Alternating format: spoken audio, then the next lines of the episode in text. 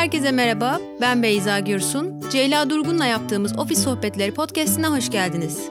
Bu podcast serisinde alanında uzman konuklarla işte insan konularını ele alıyoruz. Bugün Levent'te Elif Çelik'le beraberiz. Elif Hanım hoş geldiniz öncelikle. Merhaba, hoş bulduk. Elif Hanım bir sağlıkçı aslında kendisi eczacı. Uzun seneler Eczacıbaşı topluluğunda e, üst düzey yönetici pozisyonlarında çalıştı. En son sağlık grubu grup başkanlığı yaptı. Kendisiyle beraber çalıştığımız dönemde bizim de. Şu anda da 3D Stratejik Yönetim Danışmanlık Şirketi'nin kurucusu ve CEO'su. Biz Elif Hanım'la bugün fırsat eşitliği konusunu konuşmak üzere bir araya geldik. Fakat Levent'e geldiğimizde gördüğümüz tablo bizi biraz şaşırttı. Kanyon bizim hem çalışmak için hem vakit geçirmek için çok sık geldiğimiz bir yer. Bu boş halini görmek bizi biraz şaşırttı. E, not etmek de gerekir belki bugün günlerden 12 Mart ve bunun bildiğimiz bir sebebi var o da koronavirüsü endişesi aslında. Dolayısıyla Elif Hanım'la öncelikle bu konuyu konuşmak ve ona merak ettiklerimizi sormak istedik. Bir üst düzey yönetici olarak bu konuyla ilgili bizimle paylaşacağı bilgiler olabileceğini düşünüyoruz. Temelde merak ettiğimiz şey de şu. Ee, böyle bir durum ortaya çıktığında şirketler zor kararlar vermek durumunda oluyor. Çünkü pek çok insan çalışıyor ve bu insanların belli endişeleri var. Dürülmesi gereken operasyonlar, işler var. Bazı şirketler evden çalışma sistemini getiriyor. Okulların tatil olması söz konusu. Bu tür kararlar üst yönetimde nasıl konuşuluyor, nasıl ele alınıyor?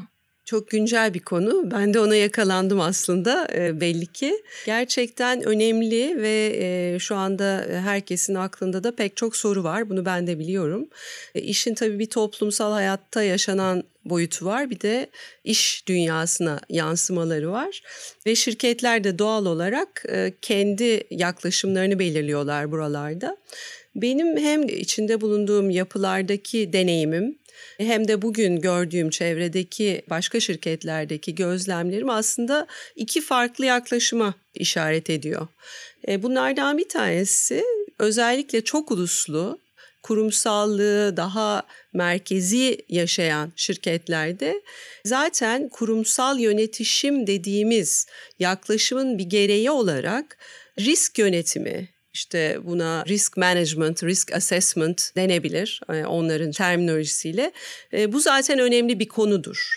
Dolayısıyla böyle bir salgın veya deprem veya yangın gibi e, beklenmedik olaylar için çok önceden şirketler kendi risklerini ölçerler ve risk planlarını hazırlarlar.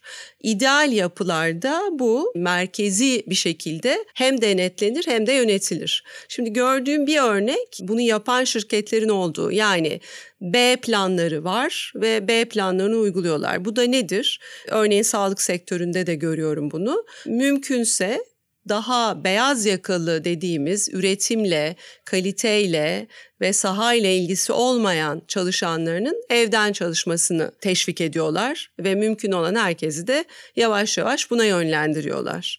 Finans sektöründe bunu biliyorum. Bankalar Birliği'nin de geçtiğimiz hafta onlardan talep ettiği bir e, risk yönetimi başlattılar ve onlar da yine bu hafta mesela birçok banka olabildiğince evden çalışabilecek kadrolara gelmeyin diyor. Dolayısıyla bir bu yaklaşım var. Bir de bu kadar kurumsal olmayan şirketlere bakarsak onlarda da daha durumsal tabii hareket ediliyor.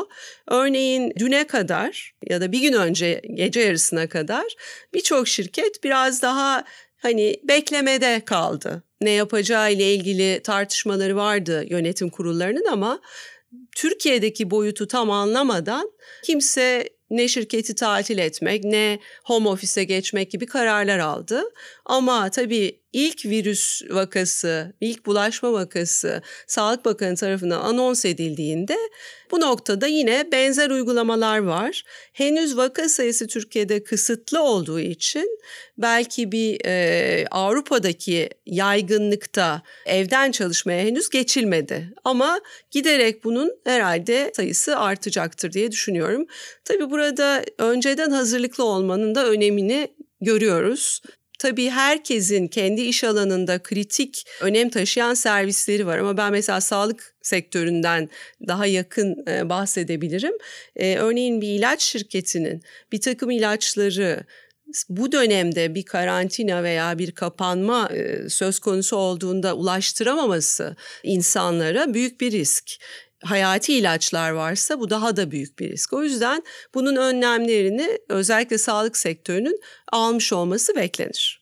Dün biz de bir ilaç şirketiyle beraberdik. Aynı konuşmaları yaptık uzaktan çalışma ve yeni çalışma düzeni nasıl olacak diye. Onlar da dediler ki üretimimiz var biz onu nasıl durduralım. Duyduğumuz birkaç şirkette de dediğiniz gibi aslında beyaz yakaların daha çok uzaktan çalışmaya yönlendirildiği ama bir yandan da üretimin devam ettiği dediğiniz sebeplerle bir e, düzen var gibi görünüyor. Siz nasıl değerlendiriyorsunuz? Aslında iki açıdan sormak istiyorum. İlki tabii ki ekonomik ve ticari boyuttan e, bu kararları nasıl değerlendiriyorsunuz? Ama ikincisi gün sonunda üretim e, alanlarında çalışan kişiler de insan. Hı. Ve aynı virüs riskini ve aynı bulaşma riskini tabii ki onlar da taşıyorlar. Evet. Dolayısıyla insan boyutundan e, bu kararları nasıl değerlendiriyorsunuz? Onu çok merak ediyorum. Elbette. Şimdi burada aslında e, konuyu riski nasıl yönetebiliriz boyutuyla ele almak lazım. Çünkü fabrikada veya farklı nedenlerle ofiste çalışmak zorunda olan en azından tabii genel bir karantina kararına kadar çünkü bunu yapan ülkeler de var biliyorsunuz. Çalışmak zorunda olan kişiler için en başta hijyenle ilgili her türlü önlemin alınmış olması burada öncelik gibi görünüyor. Bunu da mutlaka ki şirketlerin yönetimleri düşünüyor ve bununla ilgili pek çok eğitimin çok hızlı bir şekilde verildiğini, bütün hijyen malzemelerinin de gözden geçirilip belki de ekstradan farklı farklı noktalara da yerleştirildiğini biliyoruz. Dolayısıyla yapılabilecek bu noktada yani hayatı tamamen durdurmayı gerektirecek bir durum olana kadar bugün aynı şey okullar için de geçerli ee, biliyorsunuz. Bu da çok önemli. Maksimum hijyen koşullarının sağlanması dolayısıyla şirketlerin tabii ki bunu yapıyor olduğunu varsayıyoruz. Yapıyorlar da en azından benim gözlemlediğim kadarıyla.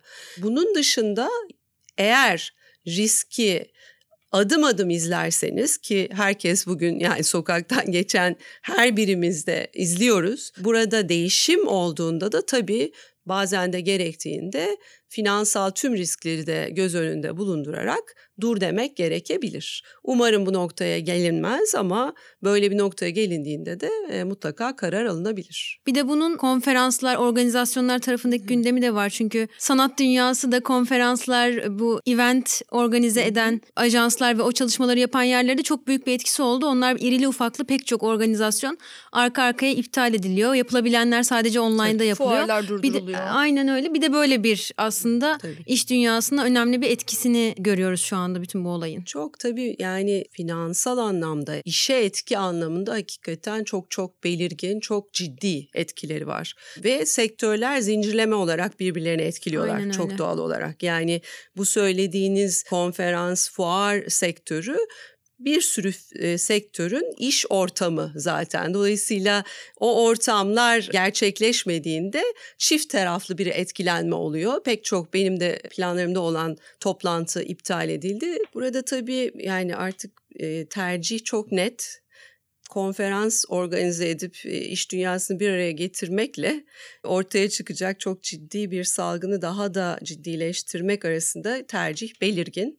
Dolayısıyla bunun sonuçlarına hep birlikte katlanacağız. Umuyorum ki kısa sürer ve ondan sonra da bize yarattığı hasara hep birlikte bakar. Bunu ortadan kaldırabilecek önlemlerimizi alırız. Bütün bu konuştuklarımız sonunda peki sizce bu koronavirüsü tehdidiyle biz yeni bir dünya düzenine doğru mu gidiyoruz? Aslında koronavirüs tehdidi olmadan da yeni bir dünya düzenine gidiyorduk. Bu bize belki bir tekrar gözden geçirme fırsatı tanıdı diyelim. Bugünün çalışma düzeni, bugünün belki iş dünyasının üzerinde yürüdüğü mekanizmaları belli ki teknolojiyle, sürdürülebilirlikle ilgili kaygılarla, bir şekilde yön değiştirmek zorunda. Adım adım da buraya gidiyoruz. Zaten hepimiz farkındayız. Yani bu plazalardaki klasik çalışma düzenleri, teknolojinin getirdiği farklı roller ve ihtiyaçlar bunlar bugünün iş dünyasını yavaş yavaş daha flexible, daha uzaktan, daha gerektiğinde bir araya gelmeye dönük olarak zorluyordu. Şimdi görüyoruz ki bu konuda iyi yapılanmış olan iş alanları ya da şirketler ya da okullar, işte üniversiteler bütün bunlar hayatlarını çok daha kolay devam ettirebiliyorlar. Tabii bunun finansal olarak da çok olumlu boyutları var. Daha az etkileniyorlar bu tarz beklenmedik durumlardan. Dolayısıyla koronavirüs olsun olmasın başlamış olan bir dönüşüm bence hızlanacaktır ve bu aslında dünyanın da selameti açısından, sürdürülebilirliği açısından da daha iyi olacaktır. Bana göre binlerce insanın bir araya geldiği müthiş enerji, işte seyahat masrafları ve pek çok başka gideri ya da verimsizliği içinde barındıran organizasyonlar yerine belki uzaktan bir araya gelmeyi sağlayacak çok daha yeni teknolojiler var ve geliştirilecektir de. O yüzden ben bunun bir noktada iyi bir sinyal olduğunu da düşünüyorum. Tabii ki sonuçlarını umarım ki minimumla atlatırız. Tam bu dönemde uzaktan çalışmaya dair şirketlerin teknolojik altyapıları da bir sınavdan geçecek Aynen bir nevi. öyle. Dolayısıyla neye ne kadar hazırız Tabii. onun da bir sınavını veriyor olacağız herhalde hep beraber. Kesinlikle öyle. Peki Elif Hanım çok teşekkür ediyoruz. Böyle spontan ortaya çıkardığımız bir konuda sorularımızı yanıtlayıp e, katıldığınız için evet, bu podcast'te. koronavirüs uzmanı olmasam da başka açılardan umarım bir fayda sağlamışımdır. Kesinlikle çok teşekkür ediyoruz. Teşekkür E, sağlıklı günlerde daha keyifli konuları konuşacağımız bölümler diliyoruz. Teşekkürler İnşallah. tekrar teşekkürler. katıldığınız için. Çok teşekkür ederim.